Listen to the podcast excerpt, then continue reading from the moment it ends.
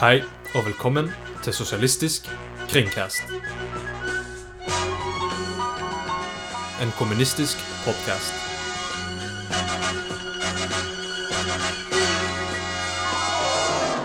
Jeg heter Lars, Og mitt navn er Jørgen. og dagens episode skal handle om sosialdemokrati og nyliberalisme. Zadata svakosna I dag skal vi se hvordan det norske sosialdemokratiet har falt. Hvordan vi ikke kan få det tilbake igjen. Og hvordan den nye venstresiden ikke aner hvor liberale de er blitt.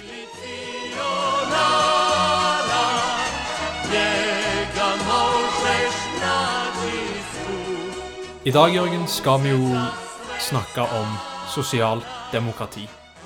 Og da tenker jeg en grei plass å begynne er jo å gi lytteren en liten forståelse av hvorfor det er et så sentralt tema i norsk politikk. Kan ikke du si litt om det, Jørgen? Jo, på mange måter så vil jeg jo si at eh, sånn som nordmenn forstår sosialdemokratiet, så er det jo da sånn som vi ser på 50-tallet, tilbake i tid. 50-tallet, liksom Norges gullalder. En eh, tid der alle mann er i arbeid, eh, og er blitt forherliget som en sånn epoke i norsk historie der eh, alt var egentlig fryd og gammen. Mm. Ville du sagt at eh, den tanken om sosialdemokrati på en måte er standarden som alt annet blir målt opp mot i norsk politikk? Absolutt. Det er, det er gullstandarden når det kommer til både høyre- og venstrepolitikk eh, i Norge. Det er når eh, partier sammenligner seg med en, eh, en epoke og politikere, så er det jo Einar Gerhardsen, det er 50-tallet, og det er liksom lykken eh, etter, i etterkrigsåret. Mm. Det der med å bygge landet, ikke sant? Ja. Og der er jo en helt, en, i den tiden en helt enorm og på en måte unik, da, kan vi si, eh, vekst i den materielle levestandarden, men òg eh, den sosiale standarden for vanlige folk, sant? Arbeidsfolk, da. Ja, absolutt. En, en, eh, det som det Du nevner jo den materielle produksjonen og den gode Hva skal jeg si eh, Ånden som er blant arbeidere og sånn. Men òg når vi ser tilbake på dette, så ble jo dette brukt som en sånn veldig nasjonalistisk eh, sant? Alle jobber mot et felles mål, og, og Norge virker, kan virke veldig samla, da. Mm. Uh, Ap har et eh, nærmest uh, enevelde på politisk makt, ikke sant? Mm. Grunnen til at vi da snakker om sosialdemokrati Vi begynte jo denne episoden med en intro der vi påstår på en måte at sosialdemokratiet har falt. Og det er viktig å forstå, for at sosialdemokrati det er på en måte standarden i norsk politisk diskurs. Um, det er det vi liker å tenke at vi er. ikke sant? En plass der der er en, eh, et, et, et samarbeid. Sant? For sosialdemokratiet er jo på en måte et samarbeid mellom arbeiderbevegelsen, eller arbeiderklassen, og næringslivet, eller borgerskapet, sant? Ja. og staten. Mm. Ikke sant? Og at beviset på at denne modellen, den såkalte nordiske modellen, fungerer, er etterkrigstiden.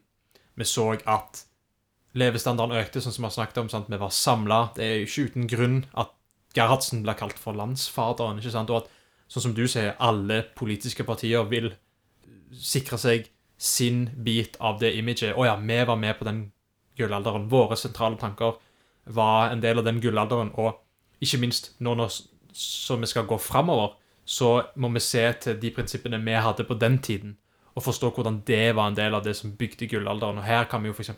se på Arbeiderpartiet, SV, Rødt, ikke sant, den moderne venstresiden. Som på mange måter eh, forherliger denne epoken mer enn andre. Og ønsker nærmest en sånn regresjon da, tilbake til 50-tallet. Høyden av deres forståelse for eh, fortid og dagens situasjon er, vil jeg påstå, at vi kan gå tilbake til 50-tallet, og så vil det på en måte fikse ting. Den politikken som vi førte da. Vi må Den- tilbake til den. Og når vi sier at vi skal tilbake til den? For at, OK, vi tar det på en måte litt for gitt nå at det norske samfunnet og det norske norsk politikk er på en måte ved et sånn et eh, veikryss, da, kan en si. For at i god stund nå så har ting begynt å rakne litt ved sømmene. Altså, vi kan se på det materielle, ikke sant? At de eh, eh, som, som har lavest lønnsnivå i Norge, de har ikke hatt lønnsvekst på 20 år. Det er fakta. Ja. Og i noen tilfeller så kan vi også se at store deler av befolkningen går ned i lønn. Og dette er jo kobla med at det er en real vekst i kostnadene i folk sine liv, ikke sant? Og da spesifikt kanskje aller mest viktig er det her med boligprisene. Så vi kan se at den tiden, altså grunnen til at, eh, at eh, sosialdemokratiet på 50-60-tallet var liksom gullalderen, er fordi at da var, gikk alt opp, opp, opp, opp, opp. Og når, folk, når ting går opp, så tenker vel ikke folk egentlig så veldig mye over hva som skjer, da. Eh, Men det hersker vel en litt større tvil i dag, kan vi ikke si det sånn? Jo, absolutt. Vi ser jo at vi på en måte med, sånn som du beskriver det, et veikryss. Og der er det jo verdt å poengtere at eh, vi er jo ikke lenger i sosialdemokratiets gullalder lenger. Og det er derfor vi snakker om å gå tilbake til det 50-tallet. ikke? Absolutt. Det vi er i nå, det er jo nyliberalismen. Mm. Og det er nyliberalismen og dens ideer som rår. Og uh, nyliberalismen, det er jo et svar på den uløste konflikten som vi finner i sosialdemokratiet. Altså Der oppstår det en haug med kriser på, på 70-tallet. Og de krisene er jo kriser som bånder ut i nyliberalismen. Mhm. Og, eh, Og dette er et veldig viktig poeng, fordi Ja. at dette er noe vi kanskje ikke hører så mye om fra de partiene som ønsker å gå tilbake til sosialdemokratiet. Partier som snakker om hvordan nyliberalisme er i kjernen av våre problemer. Vi skal snakke mer om hva nyliberalisme er, Mm. men det er i hvert fall et perspektiv som Rødt, SV, Arbeiderpartiet ikke som i Arbeiderpartiet, men Rødt og SV sier at nyliberalisme er et problem. Vi må tilbake til sosialdemokratiet. Og det du begynner å forklare nå, Jørgen, det er at nyliberalisme er mer enn bare en idé.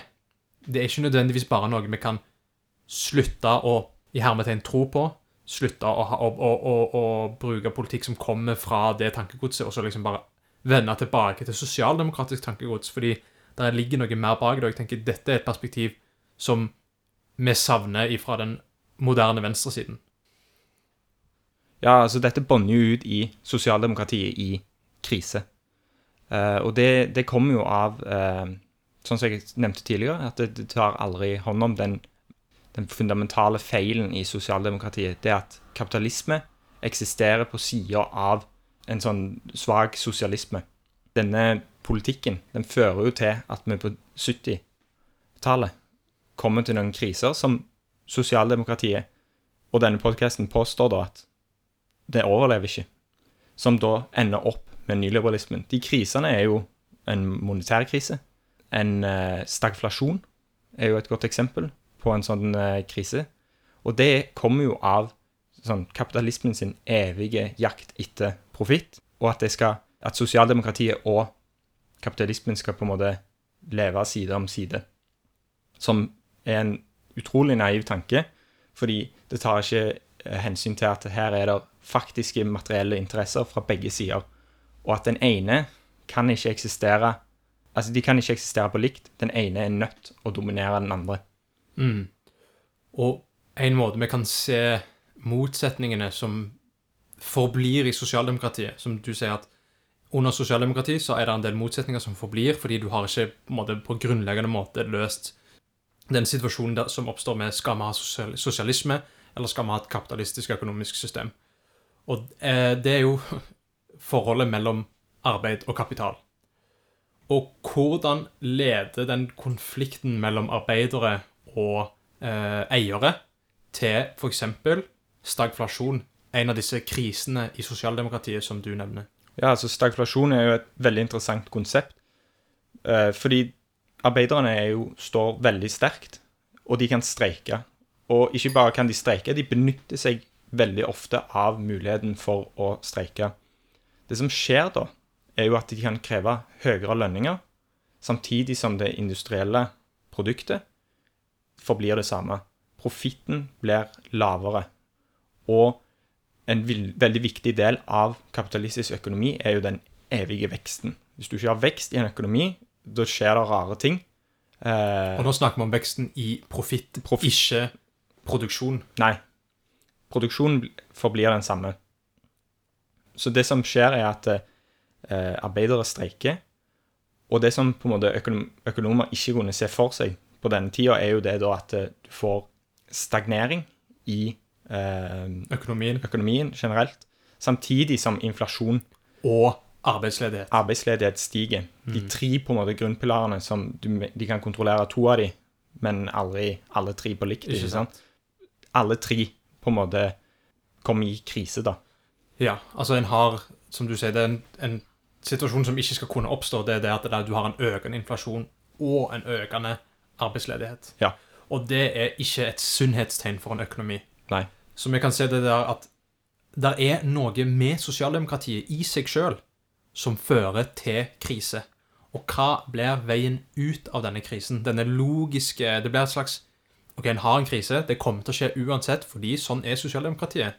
Dette er det vi kaller politisk økonomi, ikke sant? Ikke, det er ikke bare en, en abstrakt økonomisk teori her.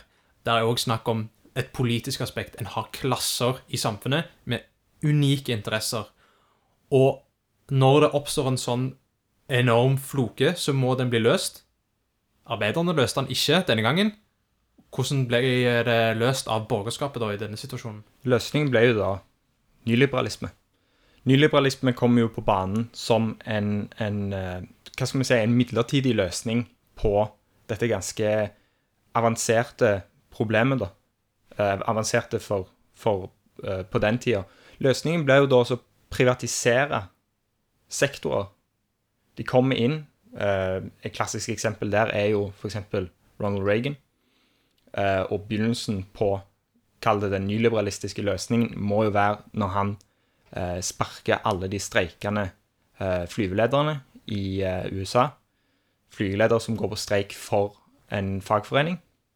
Dette eksempelet tar jeg fram fordi det, dette er en fagforening som faktisk støtta Reagan og hans, eh, hans eh, presidentkampanje. Men det du ser, da, det er at de, de knuser fagforeningene med å si du har sparken, dere får ingen eh, lønnsvekst, privatisere eksisterende industrier og skippe allerede interne økonomier til utenlandet, der arbeidere ikke er så godt organisert, kan ikke kreve så høye lønninger. Du kan utnytte de hardere, Mm, og da stiger profitten. profitten. Mm. Profitten har økt, og eh, samtidig som eh, Samtidig som Men det som er viktig, da, det er jo at produksjon, produksjonen er jo akkurat den samme. Eller en kan si på en måte at økt profitt og økt produksjon ikke nødvendigvis har en sammenheng. Ja. Fordi at profitt ikke er um, et mål på hvor mye du produserer, men hvor mye du tjener over det du har brukt, da, for å si det sånn. Ja. Ok, så på en måte det bildet du maler der, er jo det at um, en har to klasser, arbeiderklassen og, og borgerskapet, som begge opererer i sin egen interesse, og de kommer i en konflikt. Og så blir den konflikten løst av borgerskapet med å f.eks. shippe arbeidsplasser ut av landet. Altså det vi kjenner som outsourcing. ikke sant?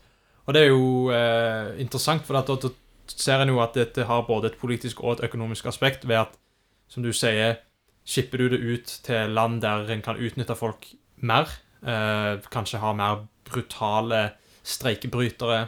Et, kanskje i et land med liksom en, et militært diktatur eller et eller annet sånt, så kan en få profitten, men samtidig så undergraver en jo bastionene til den organiserte fagbevegelsen med å uthule eh, industrien i landet. Det er ikke lenger så lett å identifisere seg som en arbeider hvis du jobber i en veldig abstrakt og sjeledrevende jobb, som f.eks. et callsenter eller, eller noe sånt, da, eller innen service. Eh, Så i, altså, en servicearbeider er ikke like Det er ikke like sannsynlig at den personen organiserer seg og kjemper for høyere lønn eller arbeiderrettigheter, eller sosialisme, da. Ja, eller samtidig som det skjer jo åpenbart en sånn kulturell skifte, der eh, eh, vi på 80-tallet får denne her Du er din egen lykkes smed. Eh, du jo- står alene ansvarlig for hvor godt du klarer å gjøre det Mm. for deg sjøl. Og det er jo ganske åpenbart hvem som tjener på en sånn tanke, og Ja. hvor den kommer fra. ikke sant? At det her med nyliberalisme er det er både et svar på de økonomiske tingene som oppstår, men det er òg et forsøk på å etablere en dominans da, fra borgerskapets side. Både politisk og økonomisk.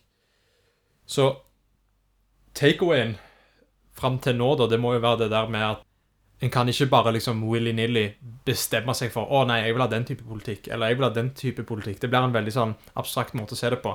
Men å forstå at liksom et økonomisk system, eller politikk veldig generelt sett, da, er et resultat av ting som faktisk skjer på bakkenivå. ikke sant? Der er ulike grupper som vil ulike ting.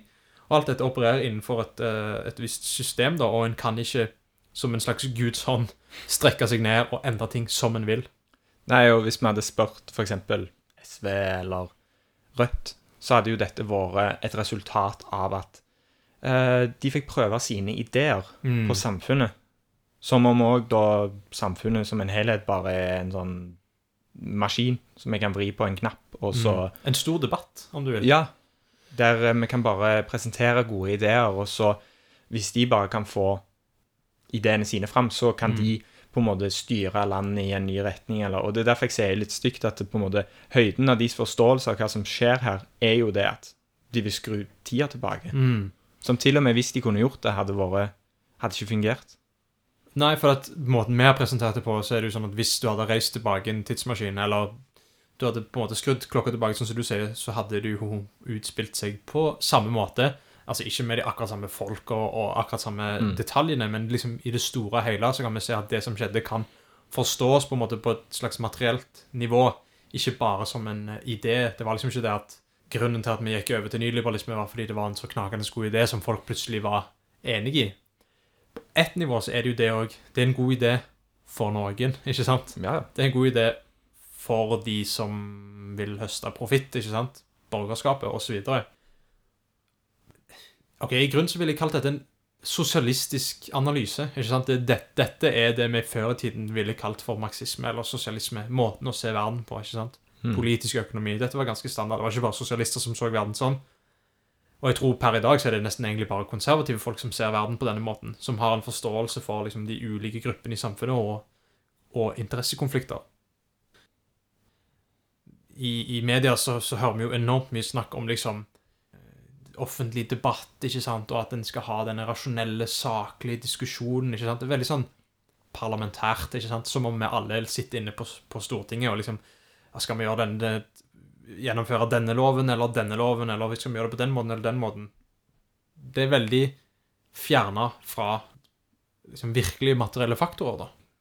Det kan være vanskelig å forstå hvem som faktisk eh, mener dette, og hvilken klasse som på en måte ytrer sin Mm. mening her, og hvem dette vil Hvorfor dette blir fremma. For det er bare snakk, egentlig. Ja, det er snikksnakk. Ja, Altså, det, det er rett og slett det. Og det, det Altså, når du først begynner liksom å se kun på overflaten OK, vi fra sosialdemokrati og nyliberalisme, og da begynte alle å snakke om individer, markeder og, og kapitalisme og profitt. OK, da må vi bare begynne å snakke om noe annet. Det er for så vidt sant. Altså, det, det er en ideologisk kamp. Men veien framover, da, må jo på en måte være mer enn å bare si vi vil ha de gode ideene og ikke de dårlige ideene. Eh, eller hva tenker du? Nei, jeg er helt enig. Hvis dette var ideenes uh, verden, der uh, kun de gode ideene uh, hadde, hadde fått sitt uh, framtog, da vil jo jeg påstå at nyliberalisme hadde jo aldri vært ei greie. Mm. Rett og slett fordi det er ikke en veldig god idé. Det er ikke en veldig god idé. Og det er jo det vi ser nå, at nyliberalismen òg er jo i, i krise, Mm. den òg. Du har eh, synkende profittrater i industrien. Akkurat det samme som har skjedd på 70-tallet. Du har jo bare utsatt det. Mm. Samtidig som du da har på en måte hula ut din egen økonomi med at alle skal være en eller annen form for serviceyrker eller eh, Mm. Papirflytter. Vi har solgt ut statens eierandel i tidligere statlig eide selskaper. Vi har privatisert ting som staten drev før. Vi har shippa industri ut av landet fordi at det er liksom life support for kapitalismen. Alt dette pumper midlertidig opp profittratene, men det er en tendens i økonomien til at profittraten faller alltid. Og det er ganske enkelt sagt fordi at når du har konkurranse i et marked, så vil ting gå mot sjølkost. Ting vil bli mer og mer effektive og gå nærmere sjølkost. En annen måte å se det på, andre sida av den mynten, er jo at profittene blir lavere. Og profitten er jo, som vi alle vet, eh, hele grunnen til at eh, kapitalismen på en måte eksisterer. Det er fordi at borgerskapet vil skvise ut mest mulig profitt. Og hva er Altså, det som er diagnosen da for det samfunnet vi lever i, at vi lever i et samfunn der mesteparten av det som kan skvises ut, har blitt skvist ut. Og vi når den der nullvekstscenarioet. Hmm. Og nå er borgerskapet litt rådville, nesten sånn som sosialdemokrater og sosialister var etter når de møtte liksom, konfrontasjonen fra nyliberalismen. De visste ikke helt hvordan de skulle svare på det, og begynte å gå over i litt mer sånn abstrakte kampsaker, litt mer sånn kulturpolitikk osv., fordi de visste ikke helt altså, hvor ble det av den politiske økonomien og sånt. eh, den type analyse. Vet ikke helt. Eh, men nå virker det på en måte som om borgerskapet ikke vet helt hva svar de skal gi folk når folk eh, klager på at de jobber for mye, tjener for lite, husene er for dyre, ting blir verre, så sier jo Erna ja, nei, du får bare forberede deg på å jobbe 45 timer i uka, liksom. Ja, jobbe til du er 75. Mens nyliberalistene de kunne på 70-80-tallet sa kapitalismen skal løfte deg ut av problemet. Ja, ja. Dette, dette er på en måte Ideologien deres var jo veldig enkel. Eh, Jeg tror heller ikke de som presenterte dette, kunne se for seg hvor det ville ende opp hen. Eh, For veldig naivt så var jo mange av disse nyliberalistiske økonomene sa ganske enkelt eh, Ja, når du mister industrijobben din, så får du bare omutdanne deg. Mm. Og så får du bare gå inn i et annet yrke. Sant? Et mer service eller noe sånn. I virkeligheten så så du jo bare at folk gikk jo på en eller annen form for velferd etter eh, det skjedde. Over hele verden, i Mm. vestlige verden. Eh, I Norge kan vi jo eksempel se, det er en statistikk som viser hvor mange mennesker, voksne mennesker, eller i arbeidsarbeidende alder, er i et produktivt virke, da, eller liksom et samfunnsnyttig virke, og den, den er ikke imponerende høy, for å si det sånn. nei. Og den er jo Ser ikke ut som den skal noen plass, på en måte. Eh, og, og sånn at Naturligvis, når du hiver liksom arbeidsplasser ut av landet, så vil jo den graden av folk som ikke har en skikkelig jobb, stige. Og sant? så lenge du har velferdstjenester tilgjengelig, så vil folk benytte seg av de. Og så igjen da eh, har du på en måte klart å skjule litt den konflikten som eksisterer i samfunnet.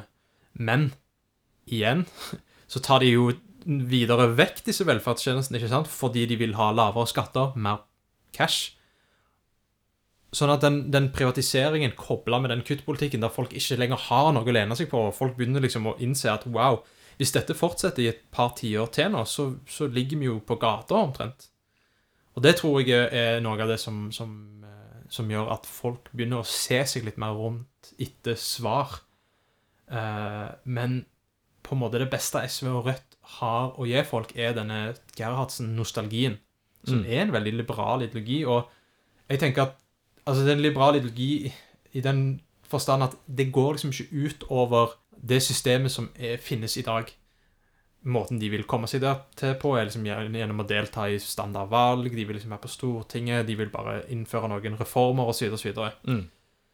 Og hva tenker du om liksom innflytelsen av liberal ideologi i SV og Rødt? Altså, innflytelsen Det gjør jo at de er totalt ute av stand til å se en maktkamp for en maktkamp. Uh, gjør jo at de har uh, satt seg på sidelinja, satt seg på hælene, rett og slett, og, og viser jo at de ikke forstår genuine behov.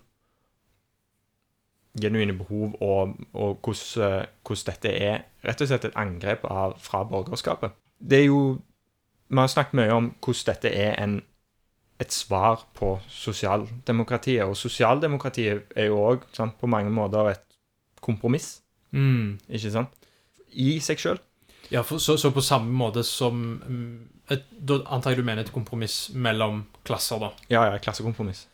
På samme måte som vi kan se at nyliberalisme ikke er, er mer enn en idé, det er på en måte borgerskapet sin triumf over denne, dette skjøre kompromisset som eksisterte mellom borgerskapet og arbeiderklassen. Ja. På samme måte så er sosialdemokratiet òg et resultat av en på en måte politisk og økonomisk prosess. Det er ikke bare Altså, det er mer enn en idé, da, for å si det sånn. Ja.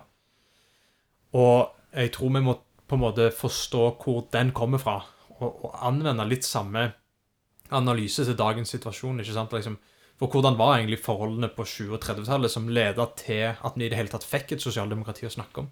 Altså, Så da har du jo denne veldig rå kapitalisme, da, som driver rovdrift på folk. Du ser folk som har slitt ut kroppene sine i en veldig ung alder fordi de gjør helt forferdelig arbeid, som naturligvis fører til at eh, folk organiserer seg. Og det som vi har i Norge, resultatet av dette, ble jo dette trepartssamarbeidet som vi har, og mange som ser opp til som på en måte en sånn gullstandard nærmest for hvordan et samfunn kan organiseres. Mm, sånn bør det være. Ja, ikke sant? Og der er det jo tre parter. Det er jo arbeidere eller fagforeninger. Det er borgerskapet, eller de som eier produksjonsmidlene. Det vi kaller næringslivet. Næringslivet, Mm. på fint. Og staten. Mm. Og måten vi får dette samarbeidet, er jo egentlig ganske interessant. Fordi vi har eh, en eller annen bedrift oppe i eh, Glomma, er det vel, eller noe sånt.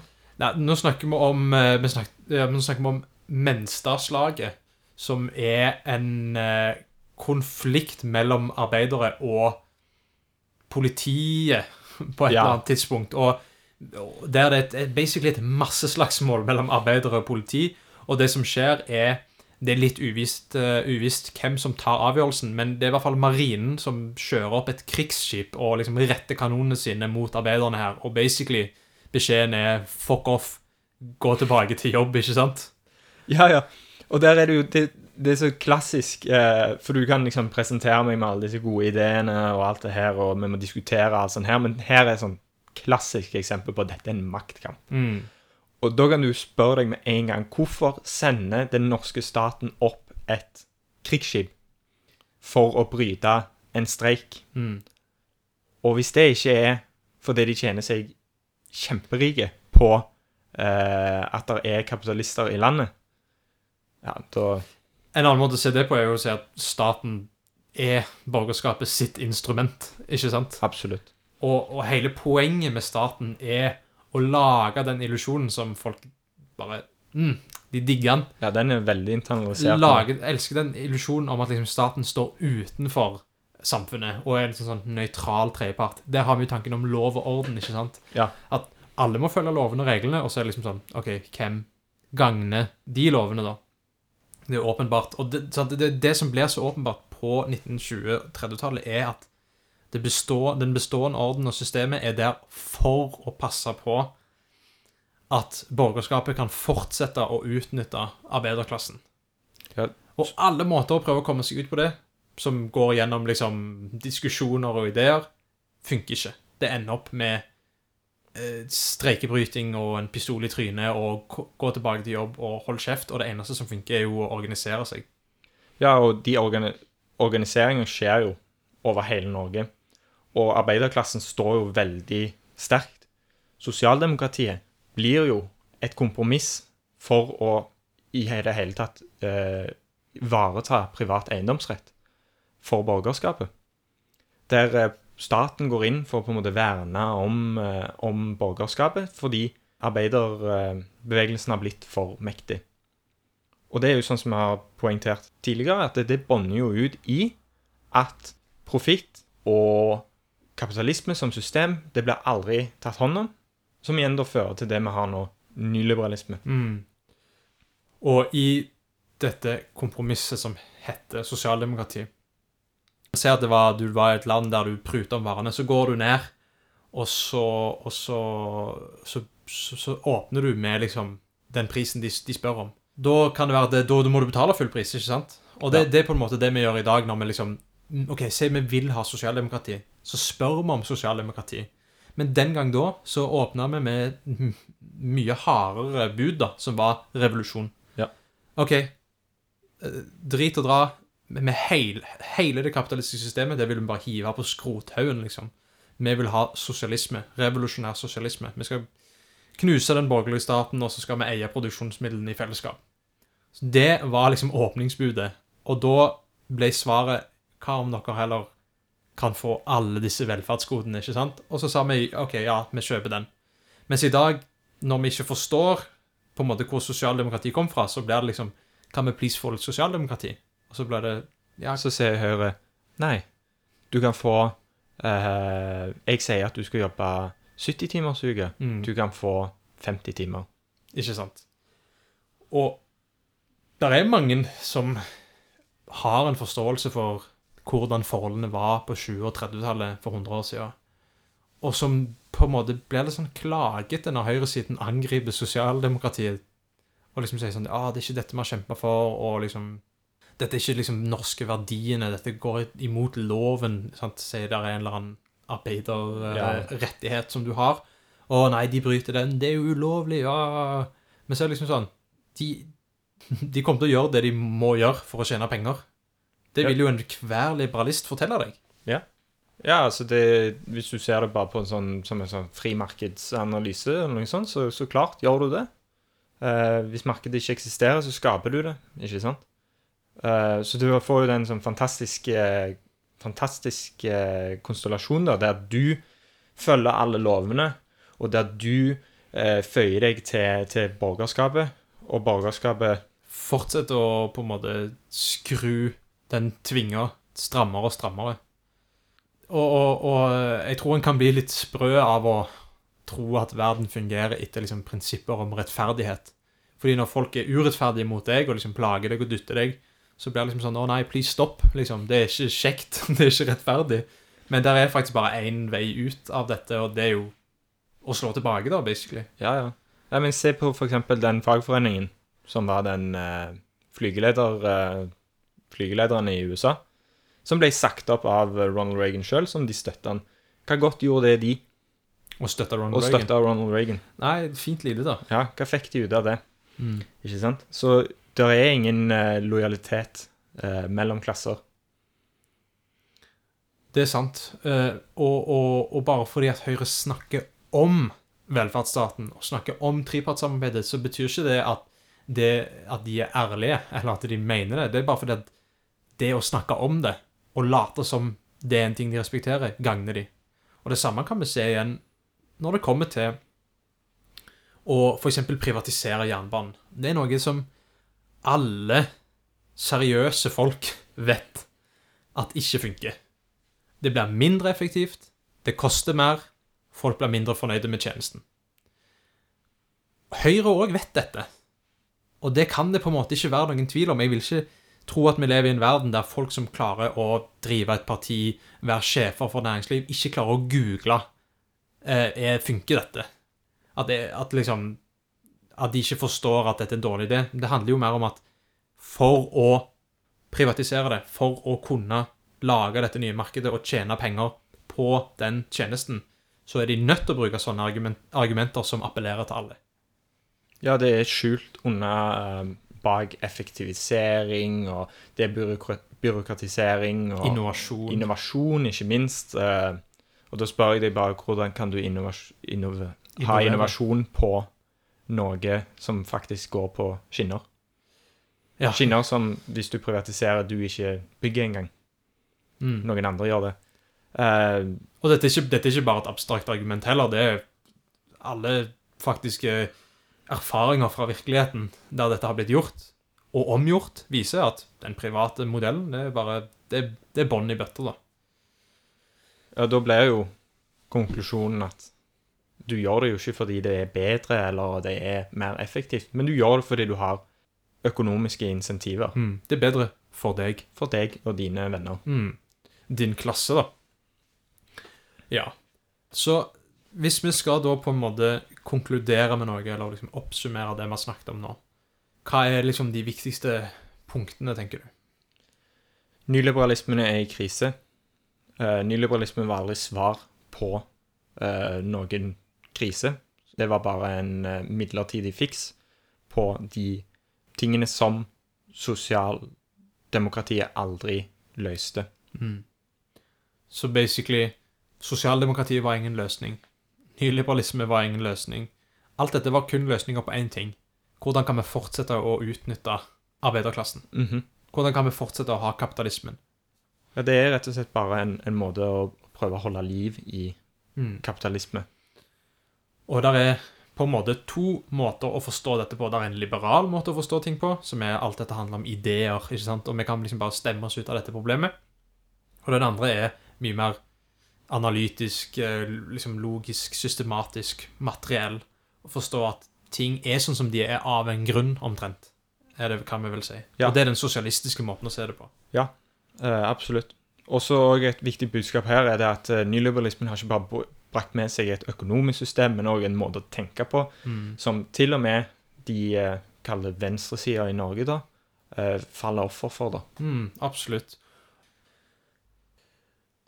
Takk for at eh, du hørte på oss i dag. Jeg håper du lærte noe nytt.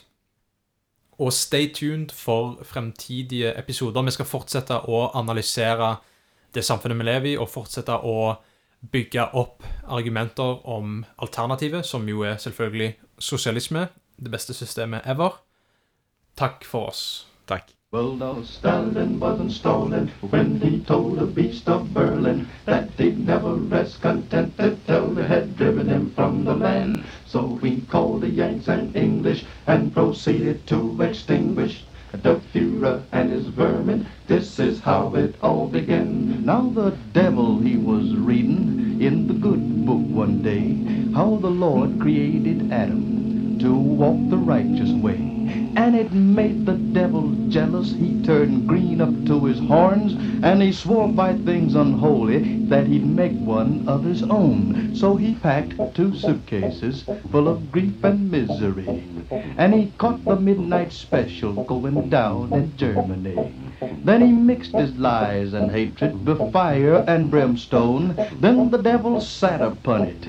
That's how Adolf was born. Now Adolf got the notion that he was the master race, and he swore he'd bring new order and put mankind in its place. So he set his scheme in motion and was winning everywhere until he up and got the notion for to keep that Russian bear. Well, now Stalin wasn't stalling when